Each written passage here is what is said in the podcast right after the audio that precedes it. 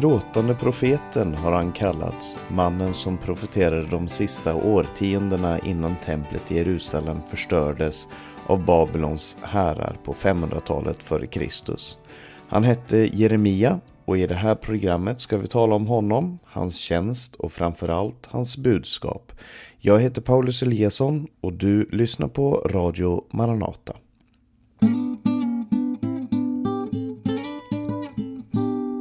Profeten Jeremia hittar du efter de eh, poetiska böckerna i Bibeln, eh, i Gamla Testamentet.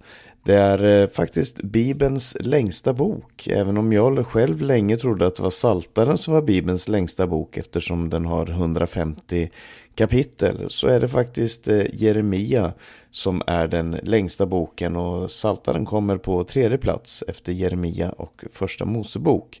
Eh, Jeremia är en av de stora profeterna, Jesaja, Jeremia, Hesekiel och Daniel i vår bibelindelning.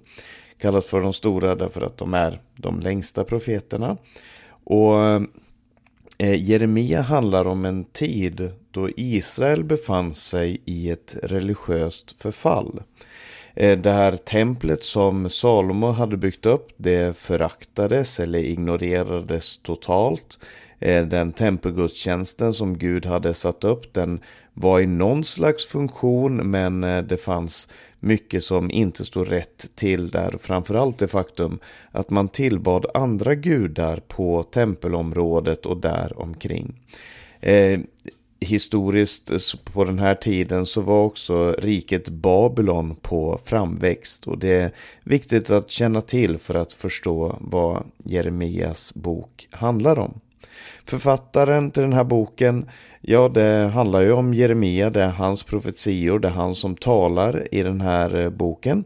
Och han var en präst, eh, född omkring år 643 f.Kr. Och han var från Anatot som var en av de städer som var givna till leviterna, till prästerna. Och den låg några kilometer från Jerusalem. Men eh, så vitt vi kan förstå så arbetade Jeremia och profeterade mycket i just Jerusalem. Och som sagt, Jeremia han är född runt år 643, det vet man inte med säkerhet, men vi vet att han började profetera runt år 627 f.Kr. Och han ansåg när han kallades att han var för ung för att tala. Och det kan ha att göra med att en eh, präst blev eh, upptagen som präst när han var runt 30 år. Så han, han var fortfarande för ung för att kunna vara en präst. Men han eh, började eh, profetera på år 627 och det var ett år innan den första babyloniska kungen Nabopalassar grundlade Babylon. Så de här tingen de sker väldigt parallellt. Framväxandet av Babylon och Guds kallelse av Jeremia till att vara profet. Och vi ska säga någonting om hur den här boken är, är upplagd och, och vad den består av. Så i kapitel 36 fick Jeremia Eh, ett bud ifrån Gud att han skulle skriva ner de profetior som han redan hade haft. Han hade alltså gått ut och talat till människor eh, muntligt. Men nu fick han bud om att han skulle skriva ner sina profetior. Och han eh, anställde då, eller eh, han valde då ut en man som heter Baruk. Som han dikterade sina eh, profetior för och Baruk skrev ner dem. Och Baruk är antagligen den som både skriver ner och i ordningställer hela den här profetian och Jeremias bok. Som, så det är på det sättet som den är lagd upp med både profetior och berättelser ur Jeremias liv. Mottagare för Jeremia bok, ja det är en profetia som handlar om både Israel och nationerna. Så man skulle kunna säga att det här är en varning till Israels folk och till andra nationer runt omkring.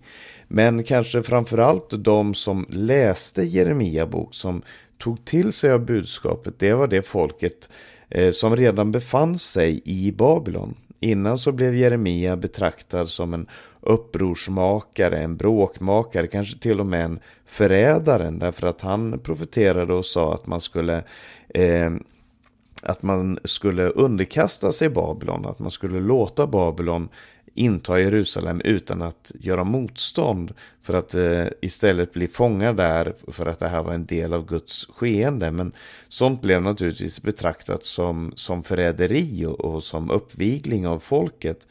Eh, och, och, så han blev då betraktad som en eh, som någon som man inte skulle lyssna på. Men när folket väl var fångar i Babylon då eh, tog man till sig av de här orden och såg att det var verkligen Gud som hade talat. Och vi vet bland annat att eh, Daniel, eh, som ju då var i Babylon, han läste Jeremias bok och fann tröst, vägledning och hjälp eh, i sin tid eh, utifrån den boken. Och som jag sa så är en del av Jeremias bok eh, profetia eh, upplagd som poesi. Väldigt ofta när profeterna talar så gör de det i poetiskt, eh, på poetiskt sätt eh, med, i versar i, i, med ett visst versmått och så vidare. Men det är inte bara profetior utan det är också en hel del berättelser ifrån Jeremias liv. Och det här är den första och kanske den enda profeten där vi verkligen får veta hur han själv känner och upplever sitt uppdrag. Det är en unik eh, inblick i en profets liv. Och tematiken, ska jag säga någonting om den också, eh, temat i Jeremia bok, det handlar om att det ska komma en fiende ifrån norr som ska förstöra Jerusalem därför att de har vänt sig bort från Gud för att tillbe andra gudar. Och så handlar Jeremia bok om varför det här har skett, var, vad som eh, är Guds tanke med det här, varför Gud låter det här hända och vad som är hans plan vidare. Nu ska vi gå in och säga någonting mer om den här texten.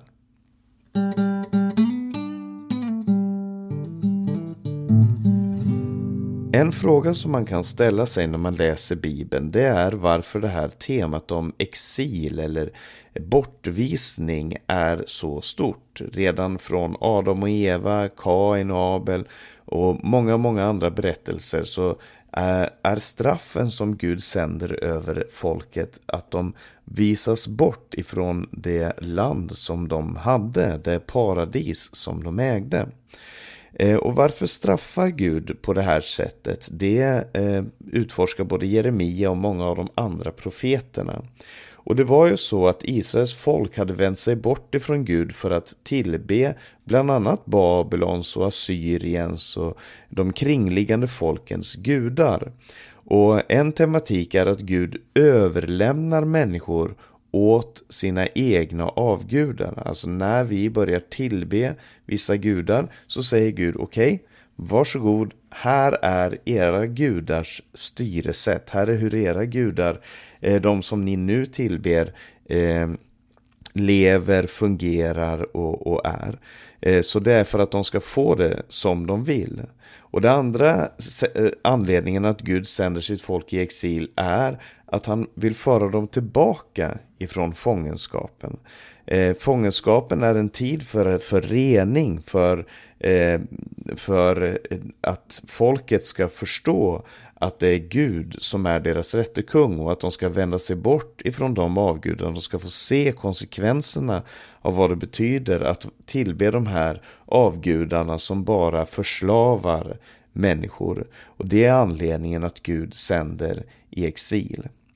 Om vi ska börja med att se på Jeremias bok så måste vi börja med kapitel 1 där Jeremia blir kallad och jag ska läsa några verser eh, från den här texten ifrån Jeremia kapitel 1 vers 4 till 10 där Gud eh, talar till Jeremia och kallar honom. Det står så här, Herrens ord kom till mig, han sa Innan jag formade dig i moderlivet utvalde jag dig och innan du kom fram ur moderskötet helgade jag dig. Jag satte dig till profet för folken. Men jag svarade, O herregud, jag kan inte tala för jag är för ung. Då sa Herren till mig, säg inte jag är för ung, utan gå vart jag än sänder dig och tala vad jag än befaller dig. Var inte rädd för dem, för jag är med dig för att rädda dig, säger Herren.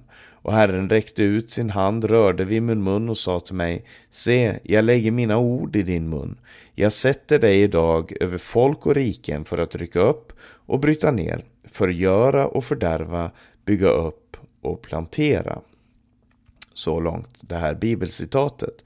Och i den här texten så får vi en introduktion till vad det betydde att vara en profet. Gud säger jag utvalde dig redan i moderlivet. Eh, innan du kom fram helgade jag dig. Jag satte dig till profet för folken. Och eh, det här är någonting som, som många profeter fick uppleva. Eh, att, att Gud kallade dem in i en tjänst som de kanske själva upplevde sig oförberedda för. Precis som Mose, precis som Jona och många andra. Och som de kanske också protesterade mot, precis som Jeremia gör här.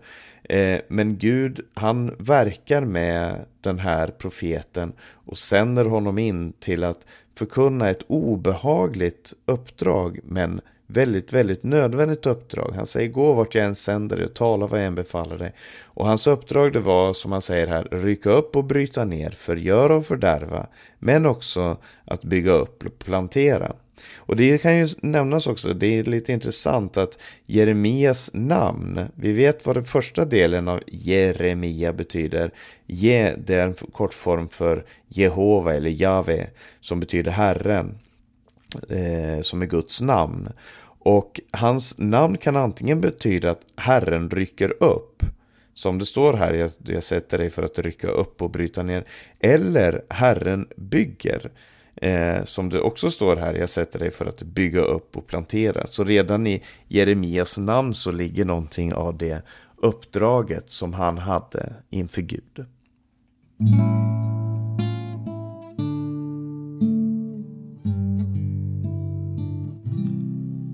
I kapitel 2 i Jeremia så inleds en tematik som kommer tillbaka både hos Jeremia och andra av eh, profeterna som var samtida med honom. Och det är en, eh, ett bildspråk som Gud använder för att förklara vad som har hänt i Israel på den här tiden. Och det är bilden av en brud och hans brudgum. Det står så här i Jeremia kapitel 2 från den första versen. Herrens ord kom till mig. Han sa Gå och predika för Jerusalem och säg, så säger Herren, jag minns din ungdoms hängivenhet, hur du älskade mig under din brudtid och följde mig i öknen i landet där man inte sår. Och det här är alltså en beskrivning av Israel när de blev befriade från slaveriet i Egypten och Gud säger ni var som en brud. Och han använder den här bilden av brud och brudgum. Ett förhållande som är mer än bara ett kontrakt eller en överenskommelse eh, utan som handlar om två stycken som älskar varandra. Men så hade någonting hänt och han säger att varken prästen, kungen eller folket frågar sig själv var är Herren? Det fanns alltså ingen längtan längre efter gemenskap. Det fanns ingen önskan om att möta Gud själv. Och Senare i vers 20 i samma kapitel så säger Gud så här, redan för länge sedan bröt jag sönder ditt ok och slet av dina band, men du sa, jag vill inte tjäna dig. På alla höga kullar och under alla gröna träd la du dig ner och bedrev otukt. Och det här med höga kullar och gröna träd, det är platser som man då ofta valde ut för sig eh, där man eh, tillbad sina avgudar man, hade, man valde ut sig ett träd och där sa man det här trädet, här bor den här guden. Eller man valde sig ett berg eller en höjd och sa på den här höjden så bor den här guden. Och när folket då böjde sig ner inför de här gudarna och tillbad dem, vände sig bort ifrån Gud, så säger Gud det här är som otukt. Så eh, folket beskrivs då först som en brud och en brud, Gud som en brudgum och sen vänder de sig bort ifrån Gud och då säger Gud det här är som äktenskapsbrott, som otuktsbrott. Eh, och den här tematiken den fortsätter genom Jeremia eh, och kanske framförallt de första kapitlen fram till kapitel 6. Eh, och, och det, det, är intressant, jag ska komma tillbaka till det, men, men i Nya Testamentet så beskrivs också förhållandet mellan Gud och hans folk som förhållandet mellan en brud och en brudgum. Och det kan vara intressant att se hur, eh, hur den här tematiken skapades genom eh, profeterna som talade till Israel. Och så kommer man till kapitel 7 eh, och där eh, hålls det som kallas för tempelpredikan.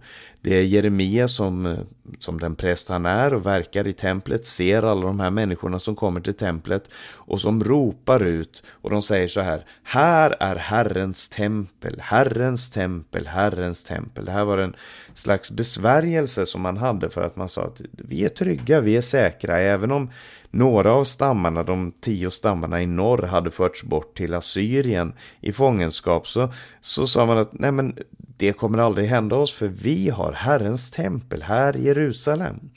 Och Jeremia säger, ja, jag hör desperationen i er röst och att ni verkar tro det här. Men eh, problemet är inte att, eller eh, lösningen är inte att ni har Herrens tempel närvarande i Jerusalem.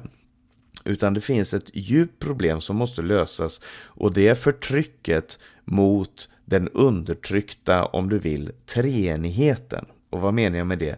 Jo, Jeremia och många av de andra profeterna talar om tre grupper av människor som det fanns förtryck emot. Det handlar om änkorna, de faderlösa och invandrarna.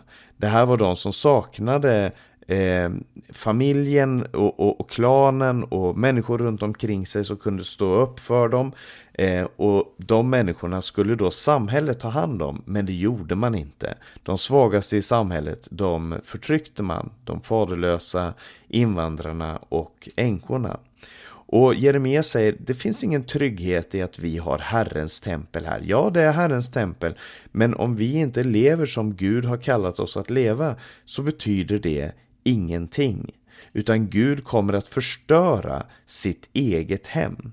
Och motsatt av det man trodde var faktum, nämligen att Gud kommer aldrig låta någonting hända här, för här är ju hans tempel. Så säger de att för Gud så betyder inte det här hemmet någonting om han inte kan möta er. Om man inte kan komma i gemenskap med sitt folk. Nej, då kommer Gud förstöra sitt eget hem. Och i kapitel 25 i Jeremia så profeterar Herren om en 70-årig fångenskap, att eh, de, folket ska föras bort till Babylon i fångenskap i 70 år. Och det här som sagt, som jag sa tidigare i programmet, det är en profetia som Daniel läste när han var i Babylon, när det hade gått nästan 70 år och han talade till Gud och bad till Gud om att de här 70 åren då skulle komma till sin ände, att, att han skulle få se folket vända tillbaka till eh, Israel. Och det fick de. Efter 70 år så fördes folket tillbaka till Israel i små grupper under Esra och Nehemja, Serbabel, det som du kan läsa i böckerna Esra och Nehemja. Eh, men det var inte den slutgiltiga, det slutgiltiga återvändandet för att den här exilen hade inte rensat ut den synd som fanns ibland folket. Men eh, mer om det eh, kan du läsa om i andra bibelböcker.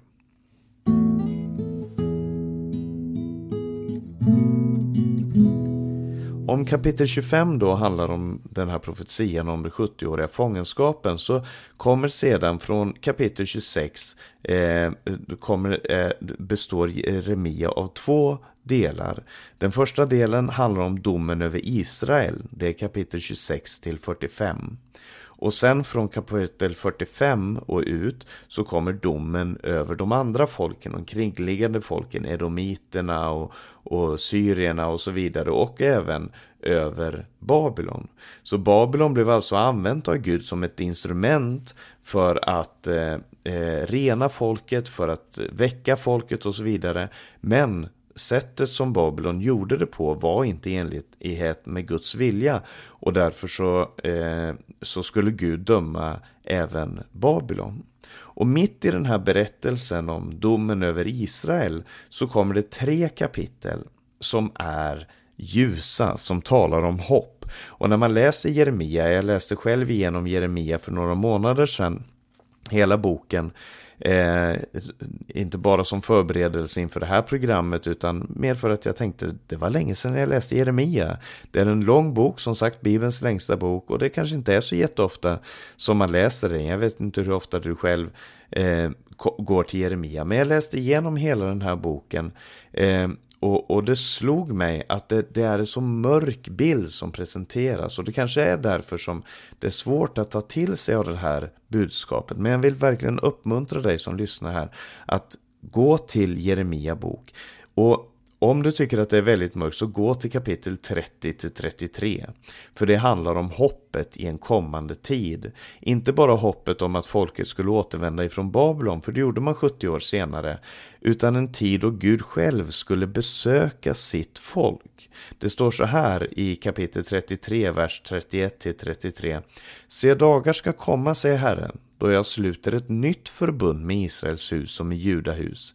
Inte som förbundet jag slöt med deras fäder den dag då jag tog deras hand och förde dem ut ur Egyptens land, förbundet med mig som de bröt, fastän jag var deras rätte herre, säger Herren. Nej, detta är förbundet som jag efter denna tid ska sluta med Israels hus, säger Herren. Jag ska lägga min lag i deras inre och skriva den i deras hjärtan. Jag ska vara deras Gud och de ska vara mitt folk. Och det här eh, profetian den uppfylls faktiskt i Jesus själv. Och det är det som är det stora, att eh, i de här tre kapitlen så talar Gud om en kommande kung, om att han själv ska regera i Israel, att han ska skriva sin lag på deras hjärtan. Och det här är profetior som Nya Testamentet tar upp gång på gång på gång och pekar på och visar. Ser ni här hur Gud i Jesus eh, uppfyller de här profetiorna. För att alla profeterna, så många som de är, säger Nya Testamentet, har talat om Jesus, har pekat fram mot Jesus. Och hur pekar Jeremia då mot Jesus? Ja, för det första, så det vi sa är ju att eh, eh, Jeremia talar om den här brud och brudgum eh, symboliken. Och i Nya Testamentet så säger aposteln Paulus, profeten Johannes och många andra säger att Jesus är församlingens brudgum och vi är hans brud. Och det eh, och därför så kan man läsa Jeremia och den här kallelsen till trohet, till eh, ärlighet, äkthet och, och trofastheten mot Gud som en kallelse också för oss idag. Även om vi inte står inför en babylonisk fångenskap så, så eh, står vi i samma fara för att rivas bort, som Paulus säger, från äkta troheten mot Jesus själv.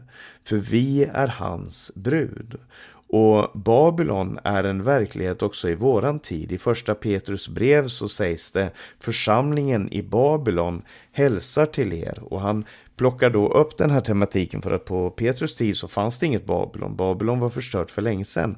Men Babylon får stå som en arketyp, som ett typexempel på det här gudsupproret, på det som vill förstöra Guds folk, men som också har potentialen att eh, rena Guds folk. Alltså i mötet med motstånd, med motgångar och med förföljelse så, så renas Guds folk. Och det här säger också eh, Petrus och Jakob och flera andra säger att de här prövningarna som ni får utstå, de verkar fram en ren tro i er.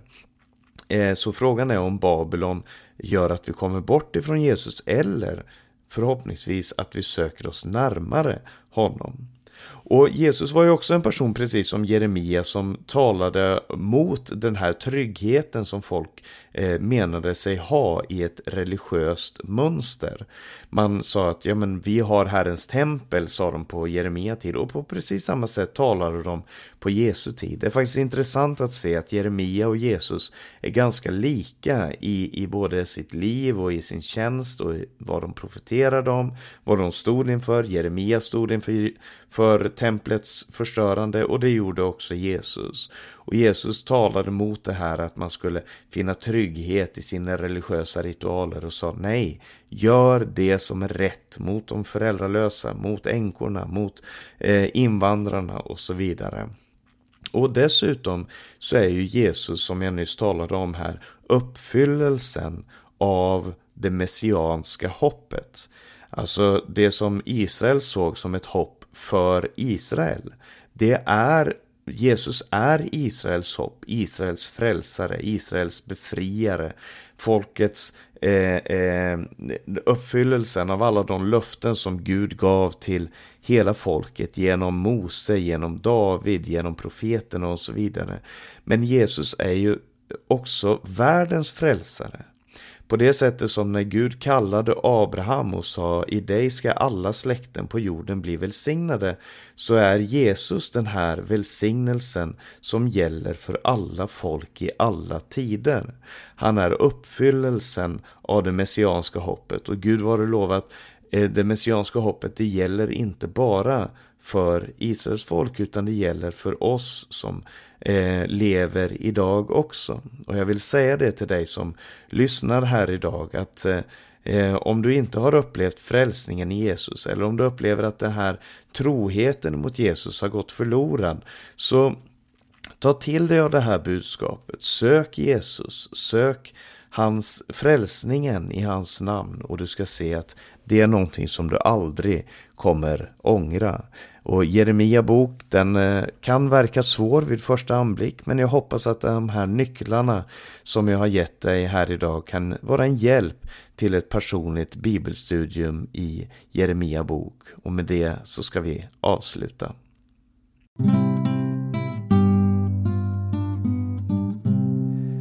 Vi ska strax lyssna på en sång, men först ska jag ge lite information om det här programmet. För du har lyssnat på en podcast från Radio Maranata med mig, Paulus Eliasson. Det här programmet har sänts över Stockholms närradio, Örebro närradio. Eh, och sprid gärna de här programmen till andra. Ta länken ifrån den podcastappen du själv lyssnar på och sänd den till andra om, det är, eh, om du tycker att det här har varit intressant. Om du har några frågor eller kommentarer omkring programmet så kan du skicka en e-post till info.maranata.se eller så kan du ringa 070-201 60 20. På vår hemsida maranata.se så kan du höra de här programmen, du kan läsa Minasropet, du kan se Radio Maranatas övriga sändningstider eh, och mycket annat. Sprid Guds välsignelse till alla du möter. Vi hörs om en vecka och nu lyssnar vi till en sång. I den sena middagsstund kämpar bruden